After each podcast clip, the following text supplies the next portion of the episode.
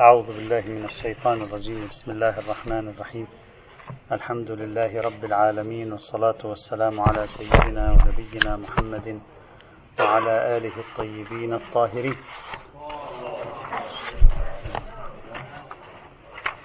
كان كلامنا في البحث حول مصاديق المسكرات غير الخمرية والبحث الأول والمهم فيها هو النبيذ قلنا لابد أن نستعرض المجموعات الحديثية. استعرضنا المجموعة الحديثية الأولى التي تدل على تحريم النبيذ دون تفصيل بين كونه مسكرا أو غير مسكر. ثم شرعنا في المجموعة الحديثية الثانية التي تدل على تحريم النبيذ المسكر. واستعرضنا مجموعة روايات في هذا الإطار. وصلنا إلى الرواية الخامسة. من الروايات التي قدرها تفيد تحريم النبيذ المسكر. لا تدل على تحريم النبيذ غير المسكر. هذه الرواية هي عبارة عن خبر الفضيل بن يسار. الرواية الخامسة خبر الفضيل بن يسار عن أبي جعفر عليه السلام قال سألته عن النبيذ فقال حرم الله الخمر بعينها وحرم رسول الله من الأشربة كل مسكر. هذه الرواية تدل على أن الإمام عليه السلام لما سئل عن النبيذ أجاب بقاعدة حرمة كل مسكر. فنفهم من ذلك أنه يتكلم عن حرمة النبيذ وحيث إن الموضوع هو المسكر فمفاد هذه الرواية حرمة النبيذ المسكر. وبالتالي لا نستطيع أن نتوسع فيها لمطلق النبيذ لأنه يتكلم عن المسكر أصلا. ومن الصعب أن يعني عندما يقول الرسول حرم كل مسكر يقصد النبيذ غير المسكر. قدره المتيقن النبيذ المسكر وغيره يحتاج إلى دليل. لكن مع الأسف هذه الرواية ضعيفة السند بمحمد بن مروان. قلنا سابقا تعرضنا سابقا. كل من اسمه محمد بن مروان فليس بثابت بثابتة وثاقته. لا يوجد حتى محمد بن مروان واحد ثابتة وثاقته مع الأسف. الرواية السادسة. خبر أبي الربيع الشامي. عن أبي عبد الله عليه السلام قال في حديث قلت فالنبيذ. قال نهى رسول الله عن كل مسكر وكل مسكر حرام. هذه الرواية أيضا نفس المعنى نفس التقريب. لا نطيل ولا نعيد. الرواية فيها أبو الربيع الشامي مختلف في أمره والأرجح عدم ثبوت وثاقته. الرواية السابعة خبر كليب الأسدي. قال سألت أبا عبد الله عن النبيذ فقال إن رسول الله خطب الناس فقال في خطبته أيها الناس ألا إن كل مسكر حرام ألا وما أسكر كثيره فقليله حرام. تقريب الاستدلال بهذه الرواية مثل الروايتين السابقتين. لا نعيد ولا نطيل وهي من حيث الإسناد ضعيفة لأن كليب الأسدي لم تثبت وثاقته. أيضا رواية ثامنة وهي معتبرة سماعة التي نقلناها سابقا الرواية رقم سبعة في المجموعة الثانية من مجموعات تحريم كل مسكر. الرواية السابعة من المجموعة الثانية من مجموعات تحريم كل مسكر. قلنا هذه رواية معتبرة السند ودلالتها جيدة على تحريم النبيذ المسكر. لا نعيدها ولا نطيل. الرواية التاسعة. خبر سيف بن عميرة عن شيخ من أصحابنا عن أبي عبد الله عليه السلام قال كنا عنده فسأله شيخ فقال بي وجع وأنا أشرب له النبيذ. هذه قضية الوجع والنبيذ والعلاج مطروحة على ما يبدو بكثرة. سأله شيخ فقال بي وجع وأنا أشرب له النبيذ. شيخ في اللغة العربية يعني رجل كبير في السن وليس طلبة. الناس الناس في بلداننا لا تميز. شيخ يعني شيخ رجل دين. الشيخ يعني كبير في السن. مثل بعض الناس إذا يدخل عندك البيت بعض الناس العاديين يدخل عندك ليسوا طلبة أقصد يعني. يدخل البيت يرى كلها كتب من هذا النوع الذي هو يعني كرتون ليس من النوع الشميز هذا ال... فيقول لك هذه كلها قرآن. فيعني هو كلها هذه نفس الشكل هذه من نوع القرآن. أما إذا هذه التي هي يعني الخفيفة فهذه كتب جديدة ليست من القرآن في شيء. فسأله. وبعض الناس إلى اليوم سبحان الله أنا حتى أشخاص قالوا لي اطبع كتبك بهذا بشكل كرتون يكون لها وقع أكثر في الحوزة. آه صحيح أنا أتكلم يعني أحدهم نصحني قال لي اطبع هذه تكون لها وقع أكثر في الحوزة. تطبعها مثلا مثل كتاب منتهى الدراية مثل الميزان مثلا. يقول لها وقع أكثر في الحوزة يتلقونها على أنها كتب يعني لها وقع. ماذا طبعتها؟ آه، هذه الورقي فتبدو أنها بتعبير أحد الأصدقاء يكبر مصرف. فقال بي وجع وأنا أشرب له النبيذ ووصفه لي الشيخ الظاهر الشيخ هنا شيخ الطريقة الطبية فقال له ما يم... قال له الإمام ما يمنعك من الماء الذي جعل الله منه كل شيء حي؟ الإمام قال له اشرب ماء. فقال لا يوافقني. أشرب الماء لا يوافقني. تعرفون في الروايات عندنا نهي عن الإكثار من شرب الماء. على عكس ما هو كل الإرشادات الطبية اليوم التي تدعو إلى الإكثار من شرب الماء. ما أدري. فقال لا يوافقني. قال له أبو عبد الله فما يمنعك من العسل؟ قال الله فيه شفاء للناس. قال لا أجده. يعني يبدو عايش في منطقة هذا العسل ما متوفر عنده. هكذا يبدو. قال فما يمنعك من اللبن الذي نبت منه لحمك واشتد عظمك؟ قال لا يوافقني. لبنهم لا يوافقه يعني هذا يريد يعني يصل إلى مرحلة لا يوافقه في العالم إلا النبيذ هكذا يبدو من أجوبته. فقال لا يوافقني. فقال له أبو عبد الله. فهم عليه الظاهر القصة يعني تحليلنا لا, لا أدري إذا هكذا القصة. أتريد أن آمرك بشرب الخمر؟ لا والله لا آمرك. هكذا أجابه الإمام. فالإمام هنا أسقط عنوان الخمر على النبيذ. أسقط عنوان الخمر. وبالتالي القدر المتيقن هو النبيذ المسكر هو الذي يمكن أن تسقط عليه عنوان الخمر في العادة ولو الخمر بالمعنى الأعم. فيكون القدر المتيقن من دلالة الرواية حرمة النبيذ المسكر أما غير المسكر فغير آه، معلوم. لا نقول تدل على حليته غير معلوم أنها تدل على حرمته حينئذ لكن الرواية مع الأسف أيضا ضعيفة الإسناد. رواها العياشي عن سيف بن عميرة فقط العياشي رواها عن سيف بن عميرة ولا نعرف الطريق العياشي إلى سيف بن عميرة وسيف بن عميرة رواها عن شيخ أيضا لا نعرف من هو. فالرواية فيها إرسال قبل سيف بن عميرة وبعد سيف بن عميرة لكن دلالتها جيدة ونستطيع أن نراكمها. الرواية العاشرة خبر حنان بن سدير قال سمعت رجلا يقول لأبي عبد الله ما تقول في النبيذ؟ اسأله ما رأيك في النبيذ؟ فإن أبا مريم يشربه. من هو أبو مريم؟ أرجح الاحتمالات في أبي مريم هنا بعد المراجعة والتقصي أنه أبو مريم الأنصاري. أبو مريم الأنصاري عبد الغفار بن القاسم وهذا ثقة له كتب جليل أيضا. فيقول فإن أبا مريم يشربه. ويزعم أنك أمرت بشربه. أبا مريم الأنصاري يشرب النبيذ ويزعم ويدعي بأنك أنت أمرت بشربه. فقال معاذ الله عز وجل أن أكون آمر بشرب مسكر. والله إنه لشيء ما اتقيت فيه سلطانا ولا غيره. يعني هذا ما عندي مزح في هذا يعني ما تعبيرنا العامي اليوم. ما في ما حتى التقية أيضا لا لا يصدر مني شيء في هذا. لا أتقي سلطانا ولا غير سلطان. قال رسول الله صلى الله عليه وعلى آله وسلم كل مسكر حرام. فما أسكر كثيره فقليله حرام. طبعا هذه الرواية خليها في بالك الآن هذه الرواية توحي وكأنها تطعن بأبي مريم الأنصاري مع أنه ثقة. لكن هذه الرواية سوف تأتي معنا نفس هذه الرواية بشكل آخر تصدق الأنصاري. وتوضح الموقف أكثر. يعني هذه الرواية الآن خليها في بالك. ستأتي هذه الرواية بشكل آخر فيما بعد. ترفع التهمة عن الأنصاري قلت صدق أبو مريم. صدق أبو مريم لكن أنا ما قصدت النبيذ المسكر. تلك الرواية توضح أكثر. قل أنا ما قصدت النبيذ المسكر قصدت النبيذ غير المسكر.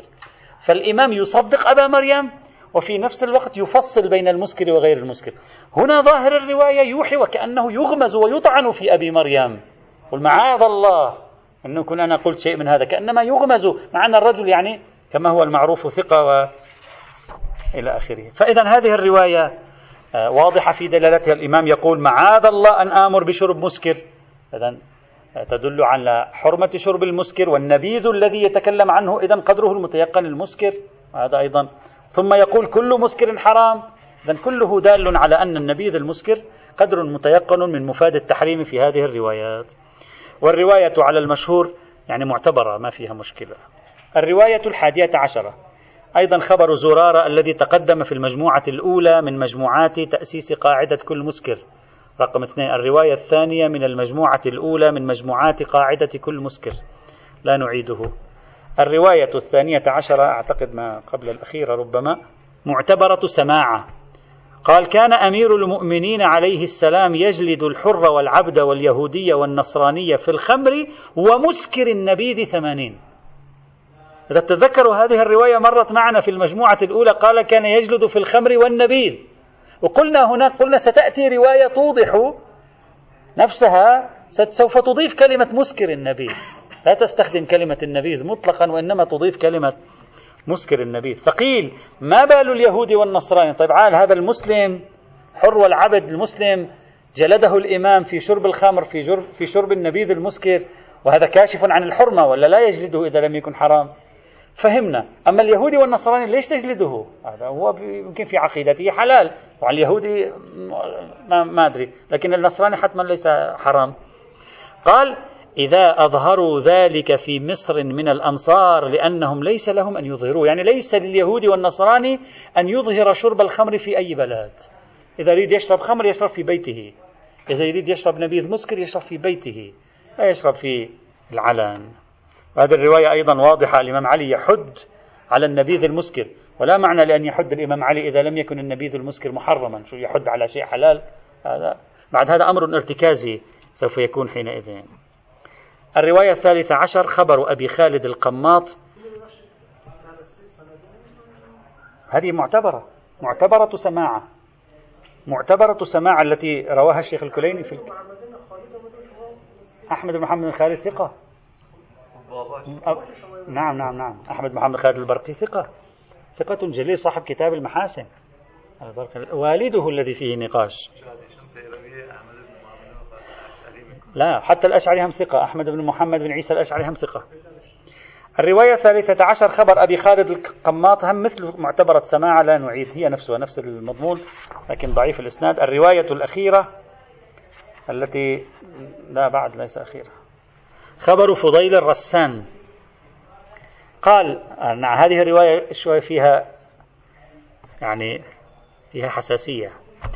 قال دخلت على أبي عبد الله عليه السلام بعدما قتل زيد بن علي رحمة الله عليه بعد حادثة الكوفة وقتل زيد بن علي. تعرفون في الأدبيات الشيعية الإمامية زيد بن علي لا يستحمل كلمة شهيد عنه. الشهيد زيد بن علي هذه فقط في المئة سنة الأخيرة. قبل ذلك لا تجد استخدام كلمة يعني الشهيد زيد الشهيد. هذا زيد الشهيد مصطلح متأخر خمسين ستين سنة أخيرة فقط سبعين سنة أخيرة. ولعل هذا كان بسبب التأثير الحركة الإسلامية والثورة الإسلامية. صار ينظر إلى زيد بمنظار إيجابي. هذا يحتاج إلى تحليلها. سابقا لم تكن النظرة إلى زيد هكذا. يعني كان في تأرجح بالنظرة الشيعية إلى زيد. يوافق على ثورته لا يوافق على ثورته لأن الروايات في قضية زيد متعارضة. فكان في تحفظ شديد. لا أدري إذا الإخوة مطلعين. لكن في الفترة الأخيرة صورة زيد الشهيد في الأدبيات الشيعية الإمامية تقريبا تغيرت. صارت النظرة إليه إيجابية أكثر. هذا يلاحظه كل من يستقرئ الدراسات. ونحن في بحث الجهاد قبل خمسة عشر سنة. بحثنا في موقف أهل البيت من ثورة زيد الشهيد بالتفصيل ولاحظنا هذا التحول في الرؤية الإمامية لزيد الشهيد كيف أنه بدأت يعاد قراءته بطريقة إيجابية. في حين في كثير من القدماء كان لهم نظرة سلبية جدا عن زيد أصلا كلمة شهيد وكذا ما. فهذه الرواية تقول قتل زيد بن علي رحمة الله عليه. هذا يعطي إيحاء. يقول دخلت على أبي عبد الله فينشد شعرا. هذا الذي فضيل الرسان يقول حصل إنشاد شعر في المجلس. فقال الإمام الصادق من قال هذا الشعر؟ أنا لا أريد أن أنقل الرواية كلها طويلة. من قال هذا الشعر؟ قلت السيد بن محمد الحميري. السيد الشاعر المعروف الحميري المعروف الشاعر. فقال رحمه الله. الإمام قال رحمه الله. قلت إني رأيته يشرب النبيذ. أنا رأيته يشرب النبيذ هذا. فقال رحمه الله. قلت إني رأيته يشرب نبيذ الرستاق. نوع الظاهر من النبيذ. قال تعني الخمر؟ قلت نعم. قال رحمه الله. وما ذلك على الله أن يغفر لمحب علي.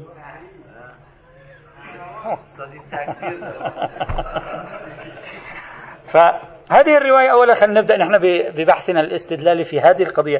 هذه الرواية أين قيمتها بالنسبة إلينا الآن؟ أنه عندما قال له تعني الخمر يعني المسكر من النبيذ. الخمر يعني المسكر من النبيذ. عندما قال له تعني الخمر هنا عبر الإمام رحمه الله وما ذلك على الله أن يغفر لمحب علي؟ مما يعني أنه ارتكب معصية والله يغفر له. فتعطي الرواية دلالة على أن النبيذ المسكر حرام غاية الأمر أنه يغفر الذنب مثلا لمحب علي هذا بحث آخر لكن يغفر الذنب. فتقريب الاستدلال بالرواية يكون بهذه الطريقة لكنها لا تدل على حلية النبيذ غير المسكر ولا على حرمته. قدرها المتيقن حرمة النبيذ المسكر في هذه الحال. هذه الرواية من الروايات التي تعرفون أن الحمير الشاعر وقع كلام كثير فيه؟ توجد روايات ذم في حقه متعددة. هذه الرواية من الروايات التي أوردها الشيخ الكشي رحمة الله تعالى عليه في رجاله ولكنها ضعيفة الإسناد وأقر بضعفها السند أيضا السيد الخوئي. وجهة ضعفها السند الآن لاحظوا معي جهة ضعفها السند عدة أشخاص بحسب المباني الرجالية. فيها فضيل الرسان. فضيل الرسان وثاقته مبنية على تفسير القم وكامل الزيارة.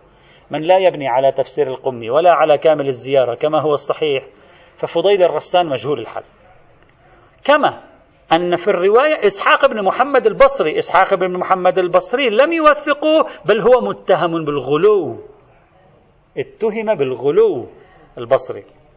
أيضا فيها نصر بن الصباح وهذا أيضا متهم بالغلو ولم يوثقه أحد من المتقدمين.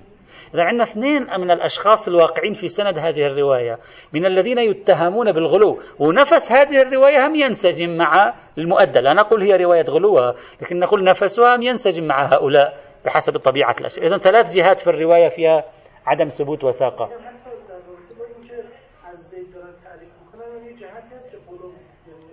غلو بمعنى آخر حينئذ بالمعنى السياسي للغلو. لكن نحن نتكلم عن الذيل الآن يعني بالمعنى العقائدي للغلو. وإن كان ليس المعنى الذي ذكرته الرواية غلو لا نقول هو لكن منسجم مع طرائق الغلاة و. فإذا بناء عليه الرواية من حيث الإسناد فيها ثلاث جهات إسناد ضعيفة. وربما أكثر إن لم أقل كل الروايات التي تطعن في الحميري فيها ضعف إسنادي. آه، ولذلك قلنا مرارا ما فعله الدكتور البهبودي من الطعن في أبي حمزة الثمالي لأجل النبيذ لم يكن في محله. رأينا ليس فقط أبو حمزة. الظاهر الأصحاب كان متكرر منهم أن يشربوا النبيذ. غاية الأمر نبيذ مسكر أو غير مسكر هذا بحث آخر. توجد هنا أسئلة في هذه الرواية. طب. السؤال الأول يعني أسئلة تخطر في بالي ونطرحها لكي نفكر فيها جميعا. السؤال الأول صاحبنا هذا الراوي فضيل الرسان الإمام عندما يقول من أنشد الشعر؟ يقول الحميري يقول رحمه الله. هذا فضيل الرسان يغتاب الحميري أمام الإمام يغتابه يقول كان يشرب النبي هذه غيبة. ما في كلام عن الرجل. قال له من صاحب هذا الشعر؟ قال صاحب هذا الشعر الحميري. الإمام أجاب قال رحمه الله. ذاك صاحبنا يريد أن يغتاب الحميري. قال رأيته يشرب. رأيته يشرب النبيذ يعني يغتابه. الإمام لم يعلق على هذه الغيبة في شيء لم مثلا يقول له لماذا تتكلم عن الرجل؟ ممكن يكون هو مشهور بالنبيذ هذا احتمال. وممكن أن هذا من علامات التساؤل في الرواية أو قد يدل على عدم وجوب الدفاع عن المغتاب إذا اغتيب أمامك. فهذا فقط إثارات للتفكير ليست نقد.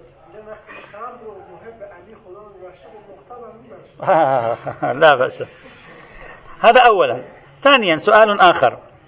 قد يأتي في ذهن شخص أنه لماذا استغرب فضيل الرسان ترحم الإمام على الحميري ما الترحم على جميع المسلمين مستحب مرغوب فيه ورد في الأدعية أصلا. لماذا يستغرب فضيل الرسان أن الإمام يترحم عليه رغم أنه يشرب النبيذ؟ يعني هل الترحم على شارب النبيذ معيب؟ ومسلم رحمة الله عليه. ونحن في كتاب إضاءات بحثنا قلنا أصلا الأدلة والنصوص تدل على استحباب الترحم أو تحث على الأقل الترحم على جميع المسلمين بمذاهبهم. قدر متيقن. فلماذا استغرب فضيل الرسان؟ قد يأتي في الذهن ما وجه استغرابه؟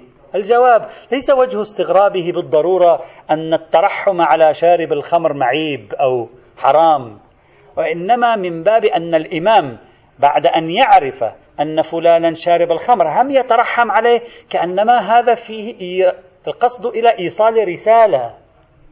يعني أنت لما الآن افرض عندك مرجع تقليد آه، كبير وتقول له فلان شارب الخمر قاطع الرحم قاتل النفس الزكية فيقول لك رحمه الله مسلم يقول لك رحمه الله تعالى. هذه الكلمة في هذا الموقع قد يكون لها دلالة اجتماعية معينة يستغرب صدورها من الإمام. ولو كان الترحم في حد نفسه ليس بشيء مكروه أو ليس بشيء معيب. ولذلك ربما استغرب آه، فضيل الرسن. النقطة الثالثة والأخيرة هنا لا شك في أن أن يغفر الله لمحب علي ولو كان شارب خمر. هذا ليس مما فيه إشكال يعني.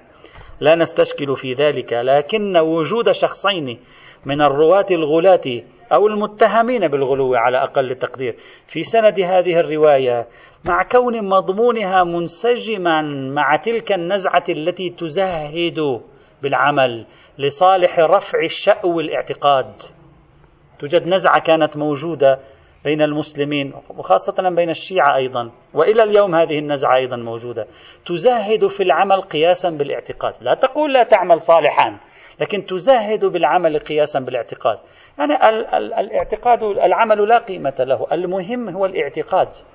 المهم هو الحب والبغض.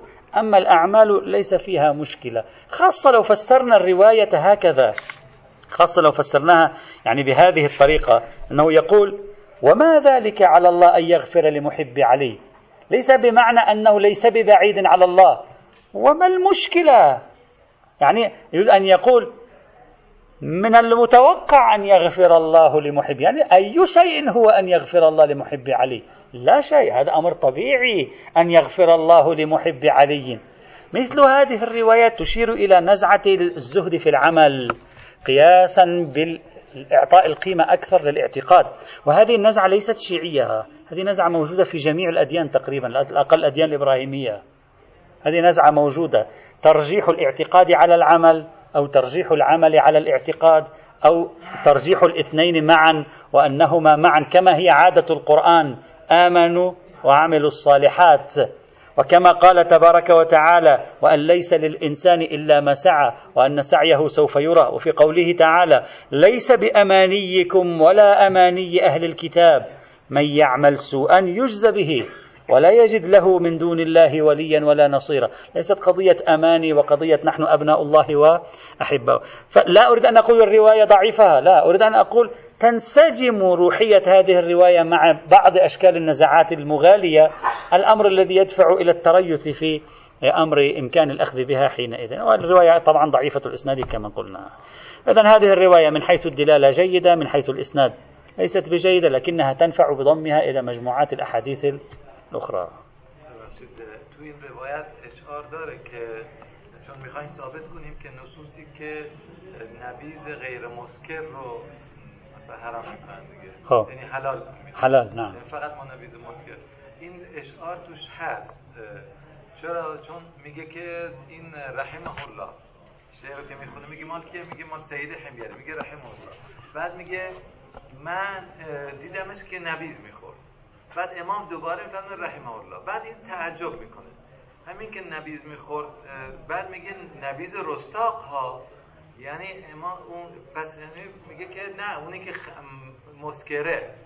پس اونی که غیر مسکره رو فکر کرده مثلا امام میگه رحمه الله مشکل نداره. این اشعاری داره نعم ممكن حد الإشعار لا بأس صحيح الرواية الخامسة عشر ما قبل الأخيرة خبر عبد الله بن مسعود. عن النبي صلى الله عليه وعلى آله وسلم أنه قال في حديث طويل يا ابن مسعود والذي بعثني بالحق. هذا النوع من الروايات دائما عليك أن تتريث في أمره. هذا اللسان هذا اللسان ها. عليك أن تتريث قبل أن تحكم بصحته أو ضعفه. لاحظ ماذا يقول. يقول والذي بعثني بالحق. لا يأتي على الناس زمان يستحلون الخمر ويسمونه النبيذ. عليهم لعنة الله والملائكة والناس أجمعين أنا منهم بريء وهم مني براء. هذه يعني يقول لك سيأتي على الناس زمان يستحلون الخمر ويسمونه النبيذ. يعطيك إيحاء كأن شخصا ما وضع الحديث ويريد أن يستجلب النبي لكي يتكلم عن واقعة متأخرة. بعض ألسنة خاصة في هذه الرواية. يعني يستحلون الخمر ويسمونه النبيذ. ليش هو النبيذ؟ ظهر بعد عصر النبي. ما هو النبيذ في عصر النبي. يعني هذا يوحي وكأن النبيذ شيء ظهر سيظهر بعد عصر النبي. وأن هناك خمر ستظهر بعد عصر النبي وسيسمونها النبيذ وهو هذا الذي بعد عصر النبي؟ هو بعينه كان في عصر النبي. كما تدل على ذلك الروايات الكثيرة أيضا. ورأينا بعضها الآن. يعني لو قلنا مثلا سيأتي على الناس زمان يسيرون على حديدة ويسمونها السيارة ممكن. أما سيأتي على الناس زمان يستحلون الخمر ويسمونه النبيذ. وهذا ما يبدو غريبا في مثله. والنبيذ كان موجودا في زمانه والنبيذ المسكرم كان موجودا وغير المسكرم كان موجودا والخمر هم كانت موجودة أيضا. فعلى حال هذا التعبير قد يوحي بشيء من والرواية هذه لم ترد إلا في مصدر واحد وهو كتاب مكارم الأخلاق للطبرسي ولا سند لها إطلاقا. وعلى أي حال تعطي إيحاء بأن هذا التركيب مشكوك في أمره في هذه الحال بهذا الذي قلنا. الرواية الأخيرة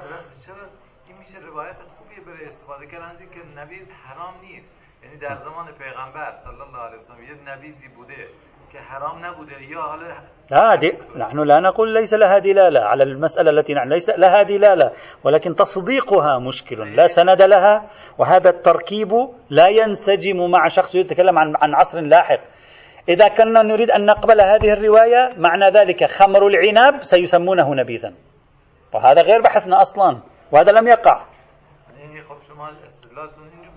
نبیز رو بعدا اینا کشف میشه. آه ويسمونه ويسمونه نبيذ وهو خمر. وهذا كان في زمن النبي نفسه لماذا يقول سيأتي قوم بعد ذلك؟ ممكن لا لا بالعكس لو كان النبيذ غير معروف في زمن النبي وسيظهر نوع من المشروبات سيطلق عليه النبيذ بعد زمان النبي ممكن. أما النبيذ موجود في زمن النبي والنبيذ المسكر اللي هو عبارة عن خمر. خمر بالمعنى الأعام موجود في زمن النبي. فما معنى يقول سيأتي على الناس زمان ويستحلون الخمر ويسمونه؟ هذه عبارة يسمونه لفتت نظري. يسمونه النبي غير المسكر لا يقول يستحلون الخمر. إذا كان خمر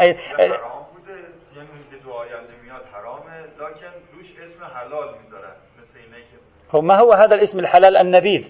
ما هو هذا الاسم اللي هو النبيذ الحلال؟ مفروض أنه مسكر لأنه خمر. وهذا كان في زمن النبي. لا يحتاج إلى أن تتكلم عن ظهور هذا الاسم بعد زمن النبي.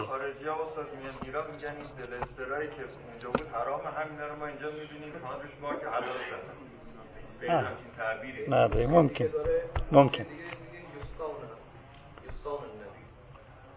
ويسقون النبي في أي كتاب؟ آه الشعيري نعم. ممكن. يس... نعم. الرواية السادسة عشرة. خبر جابر بن عبد الله الأنصاري في الرجل اليمني الذي سأل النبي عن المزر هو نبيذ الشعير. فقال له النبي أمسكر هو؟ قال نعم. قال رسول الله كل مسكر حرام. مثل هذه الرواية أيضا توجد رواية أبي موسى الأشعري ورواية أخرى لعائشة. كلها تؤكد هذا الموضوع. إذا هذه المجموعة من الروايات كلها تتعاضد في حوالي 16 رواية على تحريم النبيذ المسكر دون أن تشير بشكل واضح إلى النبيذ غير المسكر.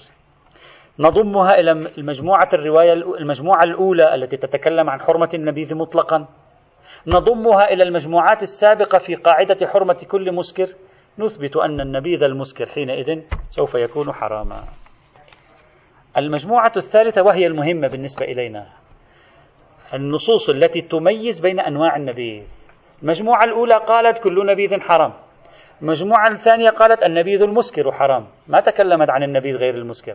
الآن المجموعة الثالثة ستفصل. ستقول بعض أنواع النبيذ حرام بعض أنواع النبيذ حلال. أهم هذه الروايات ما يلي.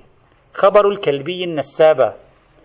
في حديث عن الإمام الصادق قال فقلت ما تقول في النبيذ؟ فقال حلال. النبيذ حلال. فقلت إننا ننبذ فنطرح فيه العكر. قلنا العكر هذا تفل الزيت. وما سوى ذلك ونشربه. فقال شه شه شه شه. يعني عبارة استقذار في اللغة العربية مثل مه مه يعني تمهل شه شه يعني هذه قذارة. شه شه نعم. شه شه تلك الخمرة المنتنة. تتكلم عن هذا الذي تضعون فيه العكر الذي يصبح مسكرا. شه شه تلك الخمرة المنتنة. فقلت جعلت فداك فأي نبيذ تعني؟ شو قبل قليل قلت لنا النبيذ حلال. والآن قلت هذه خمرة. إذا أي نبيذ كنت تعني لما قلت حلال؟ ها. فقال إن أهل المدينة شكوا إلى رسول الله صلى الله عليه وعلى آله وسلم تغيير الماء وفساد طبائعهم فأمرهم أن ينبذوا. وما معنى ينبذوا؟ قال فكان الرجل يأمر خادمه أن ينبذ له. ما معنى ذلك؟ فيعمد إلى كف من التمر يأتي بكف من التمر يضع في يده مجموعة من التمر حبات التمر فيقذف به في الشن. الشن هو القربة القربة التي تكون من الجلد التي يشربون بها كما في بعض المسلسلات التراثية هكذا قربة. فيضع بضعة قليلة من التمر في الشن. طيب. فيقذف به في الشن فمنه شربه ومنه طهوره. يعني هم يشرب منه وهم يتوضأ منه. آه هذا صاحبنا الكلبي النسابة عنده آه تعمق فقهي يريد أن يعرف الحدود للقضية. فقال وكم كان عدد التمر الذي كان في الكاف يعني كم تمر يأخذ في يده؟ لأن عدد التمر هم يلعب دور. في سرعة الإسكار. فقال ما حمل الكف. يعني تلاحقني على الرقم. يعني عادة الإنسان لما يعني يأخذ بيده من التمر يعني المقدار الذي يأخذه الكف. ليس كف آه، كبير. فقلت واحدة وثنتان. فقال ربما كانت واحدة وربما كانت ثنتين هذا شو معناه معناه هذا حبة التمر ما شاء الله. ليس مثل اليوم. هذه حبة حبة كانت يعني يسوي غداء عليها الواحد. حبة تمر واحدة يقول يأخذ كفه. يعني ثنتين خلاص امتلأ الكف. ربما. ربما كانت واحدة وربما كانت ثنتين فقلت وكم كان يسع الشن الشن؟ يعني هذا القربة الماء كم كان فيها ماء؟ من أي الأحجام كانت هي؟ هذه قربة صغيرة أو قربة كبيرة كانت؟ يريد أن يعرف. فقال ما بين الآت تبين أنها كبيرة ليست صغيرة نسبيا. يعني قال ما بين الأربعين إلى الثمانين إلى ما فوق. فقلت بالأرطال؟ قال نعم أرطال بمكيال العراق. يعني خمسين رطل عراقي يعني ليست يعني الرطل هذا. يعني عندك أنت في بالرطل العراقي الكر كم يساوي؟ تقريبا يعني مئات الأرطال العراقية الكر الماء الكر. يعني كأنما هذه القربة مقدار لا بأس به. حينئذ ممكن مثلا 20 لتر 25 لتر 15 لتر. فهذا المقدار كانت يوضع فيها ماء فكان ينبذ بها حبتين ثلاث حبات أربع حبات من التمر. هم لشربه هم لوضوئه. هذا كان حلال. لماذا حلال؟ لأنك أنت عندما تضع هذا في البيت تضع فيه حبتين ثلاثة من التمر. كل يوم تشرب أنت وأسرتك في البيت. هم تتوضأ منه. هذه الخمسة عشر رطل يعني ستمر بضع ساعات وستنتهي. ثم تضع ماء فيها من جديد. إذا لن يحصل مدة زمنية يحصل فيها تفاعل كيميائي يؤدي إلى إسكار هذا الماء. هذا الذي كان حلالا. هذا هو النبيذ الحلال. في مقابل نبيذك أنت. نبيذك أنت معالج. ما معنى معالج؟ يعني تضع فيه أشياء إضافية مكثفة تؤدي إلى التفاعل بسرعة. يصبح هناك إسكار. إذا الرواية واضحة في التمييز بين نبيذين. نبيذ فيه مواد أو مدة زمنية تؤدي إلى إسكاره ونبيذ لا من هذا الذي يؤدي إلى تحلية الماء. لا أكثر ولا أقل وهذا حلال. فالرواية ممتازة في التفصيل بين أنواع النبيذ ونجمع بها بين الروايات التي في المجموعة الأولى والروايات التي في المجموعة الثانية وتكون منسجمة مع القاعدة. كل مسكر حرام وما ليس بمسكر ليس بحرام. إذا دلالتها ممتازة إلا أن هذه الرواية التي يعني قرأناها تعاني من جهات من الضعف لكن مفيدة. يوجد سندين في هذه الرواية ينتهيان بسماعة عن الكلبي. وفي كلا السندين يوجد معلى بن محمد لم تثبت وثاقته محمد بن علي الهمداني ضعيف. علي بن عبد الله الحناط أو الخياط لم تثبت وثاقته سهل بن زياد مختلف في أمره. بل كل الطرق تنتهي إلى الكلبي النسابة والكلبي النسابة هو أبو المنذر هشام بن محمد المتوفي سنة 206 وقد حققنا فيه وقلنا أصلا لا دليل على توثيقه ولا دليل على وثاقته أصلا في هذا المجال. وعليه فالراجح أن هذه الرواية من حيث الإسناد ضعيفة من حيث الدلالة ممتازة توضح لنا قصة النبيذ ما بين ما هو حلال منه وما بين ما هو حرام منه. بعض الأشخاص يخرجون مثلا في التلفزيون. الآن سمعت كثير في التلفزيونات مثلا العربية و أو في اليوتيوب ويقول النبي كان يشرب النبيذ الصحابة كانوا يشربون النبيذ. وهو وعندما يقول يشرب النبيذ يقول إذا النبي كان يشرب المسكر. هكذا يقول. وهو من شيوخ أحدهم من مشايخ الأزهر أيضا معمم مشايخ الأزهر يشربون فيما بعد سنشير إليهم. يشرب النبي كان يشرب المسكر والصحابة كانوا يشربون المسكر وما يقال لكم من أن المسكر حرام ليس صحيحا. فاختلطت الكلمات عليه وقال هذا موجود في صحيح البخاري وهذا موجود في صحيح مسلم. صحيح النبي كان يشرب النبيذ الصحابة كانوا يشربون النبيذ لكن أي نبيذ كان؟ ما المقصود بالنبيذ ما هو المراد من أنبذتهم في ذلك الزمان؟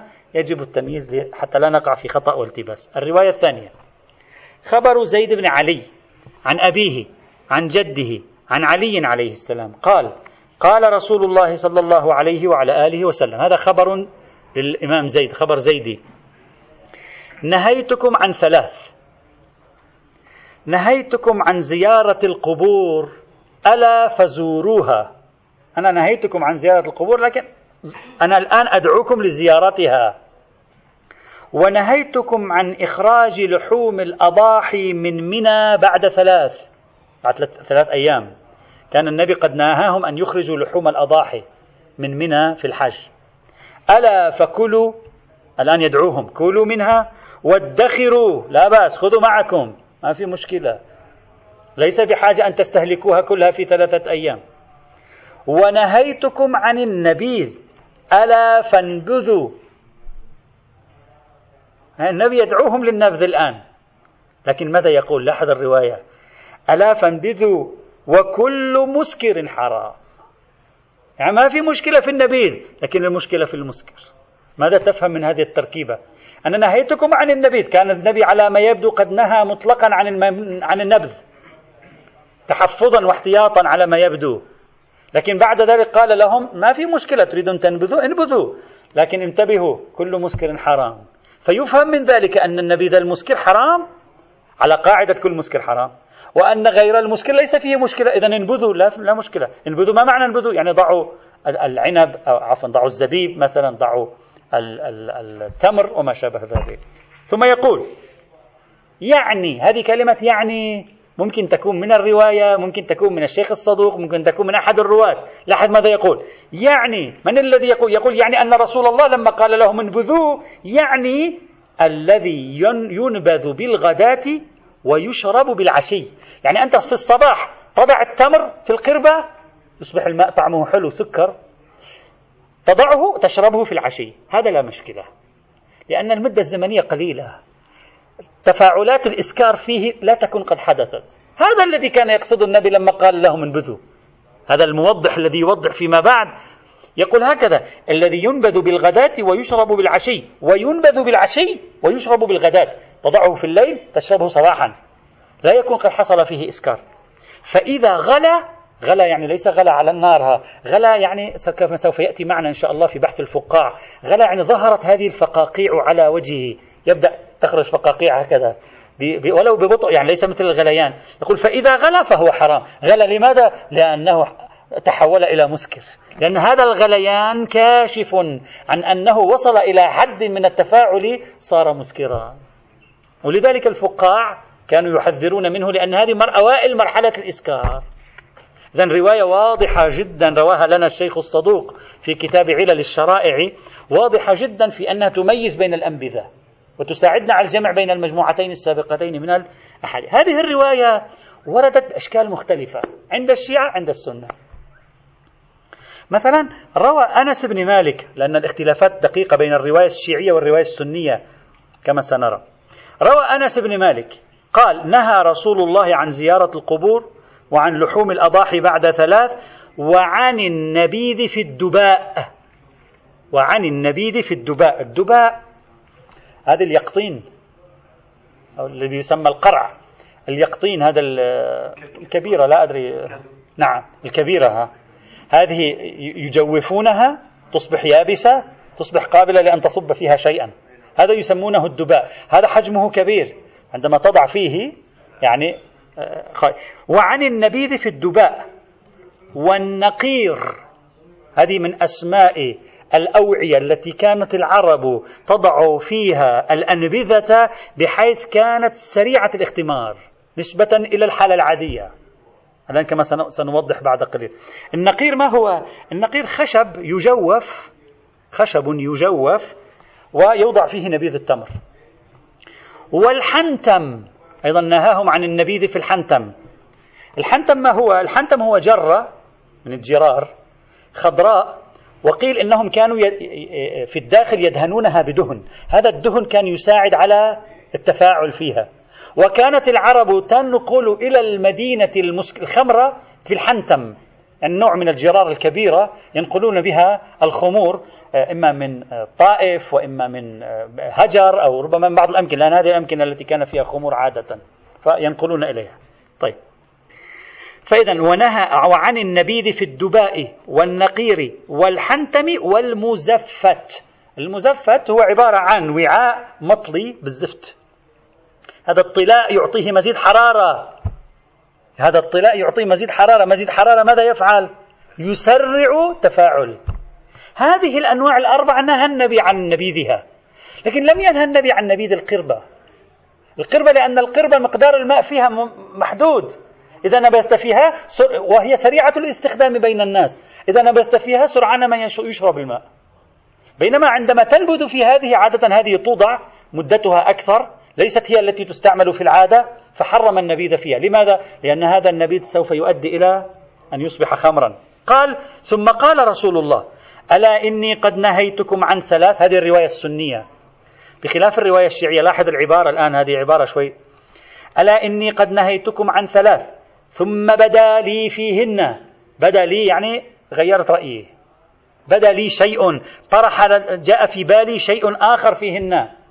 نهيتكم عن زيارة القبور ثم بدا لي أنها ترق, ترق القلب وتدمع العين وتذكر الآخرة فزوروها.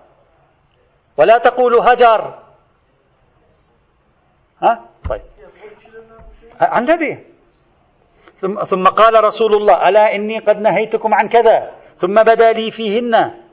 نهيتكم عن زيارة القبور وتبين لي أن القبور لا مفيدة. يعني جاء في بالي أنا نهيتكم عن زيارة القبور كان, كان خوفي من شيء آخر. لكن فيها فائدة. زوروها لا بأس. لكن التفتوا إلى مخاطر. نعم نعم هذه الرواية السنية. هذه الرواية هذه الرواية موجودة مولانا في مسند أحمد في مجمع الزوائد للهيثمي في مسند أبي يعلى وغيره.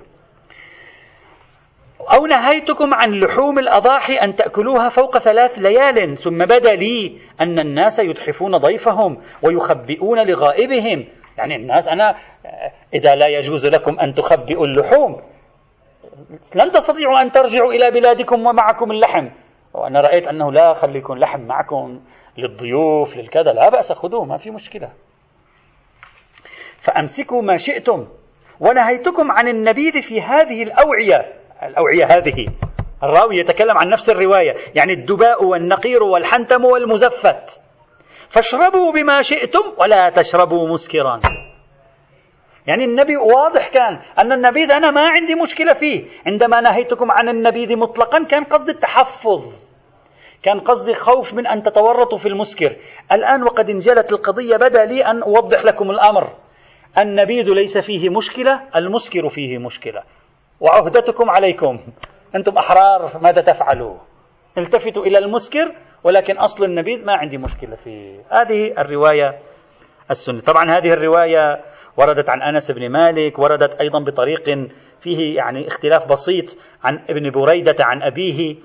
آه، اختلافات بسيطة. في مثلا في رواية ابن بريدة النبي يستخدم عبارة مهمة جدا. يقول الظروف لا تحرم ولا تحلل. يعني هذا الظرف الحنتم المزفت إلى آخره. هذا لا يحلل ولا يحرم ليس إذا وضعنا فيه شيء فهو حرام. وإذا لم نضع فيه شيء فهو حلال. القضية ليست قضية ظروف. القضية قضية الإسكار. فلا تروحوا تجمدوا على كلامي وتظنوا أنني حرمت كل ما, كل ما يوضع في هذه الظروف. لا. اشربوا ما تشاءون. ما عندي مشكلة. المهم كل مسكر حرام. هذه توضيح عملية القوانين النبوية كيف كانت تصدر. طبعا وفق هذه الرواية كيف كانت تصدر في البداية بتحفظ عال ثم بعد ذلك كان يتم توضيحها وتشقيقها والحكم فيها. وهذا ما يقول الرأي الذي يرى أن النبي بل حتى الأئمة يؤخذ بآخر ما قالوا وهذا هو المعروف في باب التعارض بالأخذ, بالأخذ بأحدث الحديثين. يعني متأخر منهما زمانا. وممكن تكون القضية عبارة عن أحكام تحفظية. أحيانا أحكام ولائية. ما في عندنا حرام جديد اسمه حرام شرب ما في الدباء. هذا ليس حرام جديد. الحرام واحد هو حرمة المسكر. لكن النبي أصدر حكم تحفظا عن تورطهم في المسكر من حيث لا يشعرون نظرا لولايته. وهكذا. هذه من التوضيحات. إذا هذا الحديث طبعا هذا الحديث أيضا وارد بطريق آخر عن عمر بن الخطاب عن النبي أيضا عند أهل السنة. وعلى أي حال هذا الحديث إذا وارد عند السنة وارد عند الشيعة.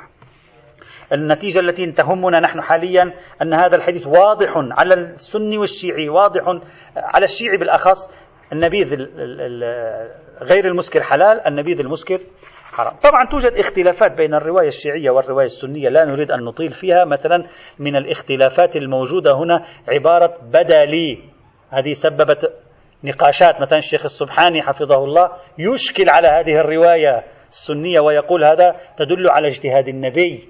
وهذا غير منطقي. شو النبي يعني بدا له. والنبي أما يوحى اليه أو لا يوحى إليه يعني كان عنده رأي. ثم تبين لي بدا لي رأي آخر. يعني طلع معي شيء آخر. هذا ما معناه لا معنى له مثلا. وهكذا. فبعض هذه في عليها بعض المداخلات لا, لا علاقة لنا بها.